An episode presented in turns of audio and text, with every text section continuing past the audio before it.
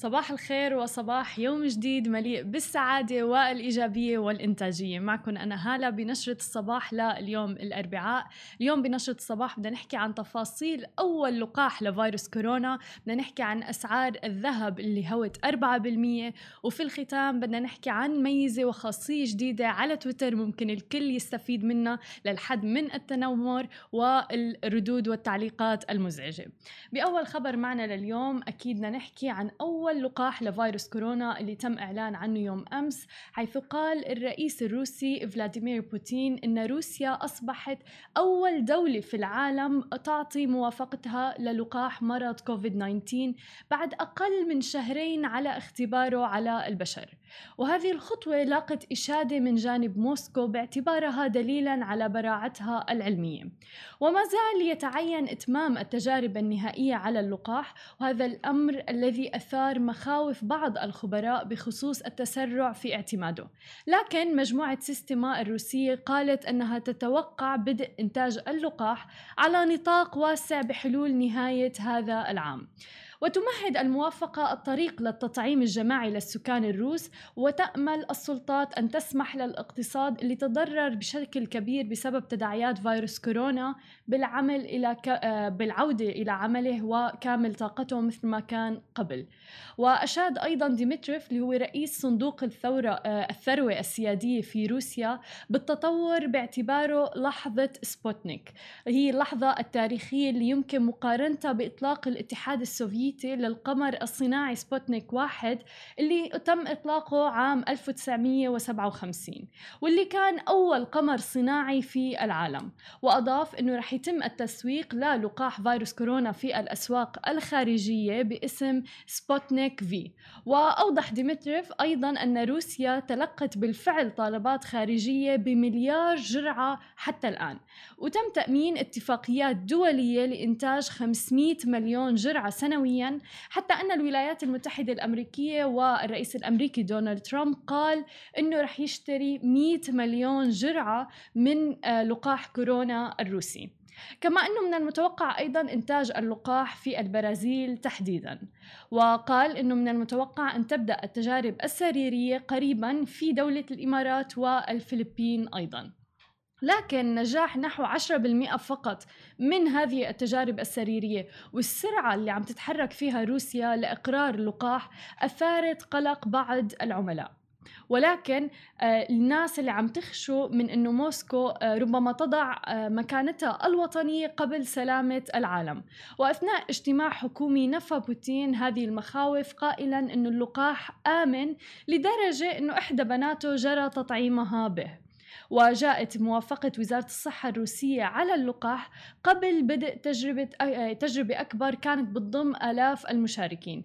هذه التجربة تعتبر وتعرف باسم اختبار المرحلة الثالثة ويجري تطوير أكثر من 100 لقاح محتمل لكوفيد 19 حول العالم في محاولة طبعا لإيقاف هذه الجائحة. وتفيد بيانات منظمة الصحة العالمية أن أربعة لقاحات على الأقل في المرحلة الثالثة النهائية الخاصة بالتجارب على البشر. طبعا مثل ما عم نشوف البلدان تتسابق لإنتاج اللقاح الأول لأنه سيشكل دعم كبير لمكانتها العالمية وأيضا دعم اقتصادهم. وانتقالا الآن إلى أسعار الذهب. حيث تراجعت أسعار الذهب بشدة وبشكل كبير آه، يوم أمس الثلاثاء 11 أغسطس مع تمسك الدولار بمكاسب حققها في الآونة الأخيرة ودفعت المستثمرين لبيع الذهب لجني الأرباح بعد صعوده لمستوى قياسي كان في الآونة الأخيرة. ونزل الذهب في المعاملات الفورية 4.2% إلى 1941.71 دولار للأونصة الواحدة. واحدة متراجعا على المستوى القياسي الذي سجله في الأسبوع الماضي واللي كان عند 2072.50 دولار للأونصة. وانخفضت العقود الأمريكية الآجلة للذهب 3.5% إلى 1969.20 دولار للأونصة واحتفظ الدولار بمكاسبه التي حققها في الآونة الأخيرة مما جعل الذهب أقل جاذبية للمستثمرين من حائزي العملات الأخرى. أما بالنسبة إذا بدنا نحكي للمعادن النفيسة الأخرى فتراجعت الفضة أيضا 7.8% إلى 26.88 دولار للأونصة نزل أيضا البلاتين إلى 4.8% إلى 939.19 دولار للأونصة بالإضافة إلى ذلك انخفض البلاتينيوم إلى 5.4 تقريبا في المئة إلى 2099.42 دولار للأونصة وفي الختام انتقالا إلى عالم التكنولوجيا ميزة جديدة من شركة تويتر حيث أتاحت شركة تويتر يوم أمس تحديدا خاصية جديدة تسمح للمستخدمين بتحديد عدد الأشخاص الذين يمكنهم الرد على التغريدات. مما بيمنح أصحاب الحسابات المزيد من التحكم في المحادثات على صفحاتهم. مثل الميزة اللي بنشوفها موجودة على مواقع التواصل الاجتماعي الأخرى مثل فيسبوك مثلا. وقالت تويتر أنه أصبح الآن بوسع جميع الحسابات بما فيها أيضا حسابات المسؤولين والمنتخبين اختيار الأشخاص الذين سيسمح لهم بالرد عند نشر تغريدة جديدة. وسيختار المستخدمون بين ثلاث مجموعات من الأشخاص. أول وحدة الجميع اللي يمكن للجميع الرد على التغريدة أو الأشخاص اللي بيتابعوهم فقط أو الأشخاص اللي عملهم منشن أو ذكروهم في التغريدة فقط. وسيتم تصنيف التغريدات باستخدام الإعدادات أو الإعدادين الأخيرين وسيظهر رمز الرد باللون الرمادي للأشخاص الذين لا يمكنهم الرد على التغريدة.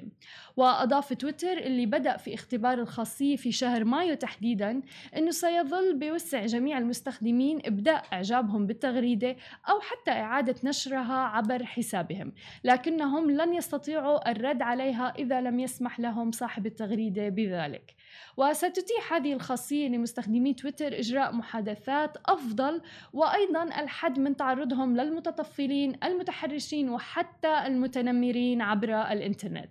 وبالإضافة إلى ذلك بدأت شركة موقع التواصل الاجتماعي تويتر دراسة فكرة فرض رسوم اشتراك على المستخدمين لضمان استدامة نشاطها آه، والآن يروا أنه يجب إيجاد مصادر إيرادات غير الإعلانات لتويتر. من ناحية أخرى ارتفع سهم تويتر بأكثر تقريبا من 4.2% خلال التعاملات يوم أمس. هذه كانت كل أخبارنا الصباحية لليوم. ما تنسوا تتابعونا على كل مواقع التواصل الاجتماعي الخاصة ب Smashi TV. تسمعوا البودكاست تبعنا وتنزلوا ال application. نهاركم سعيد.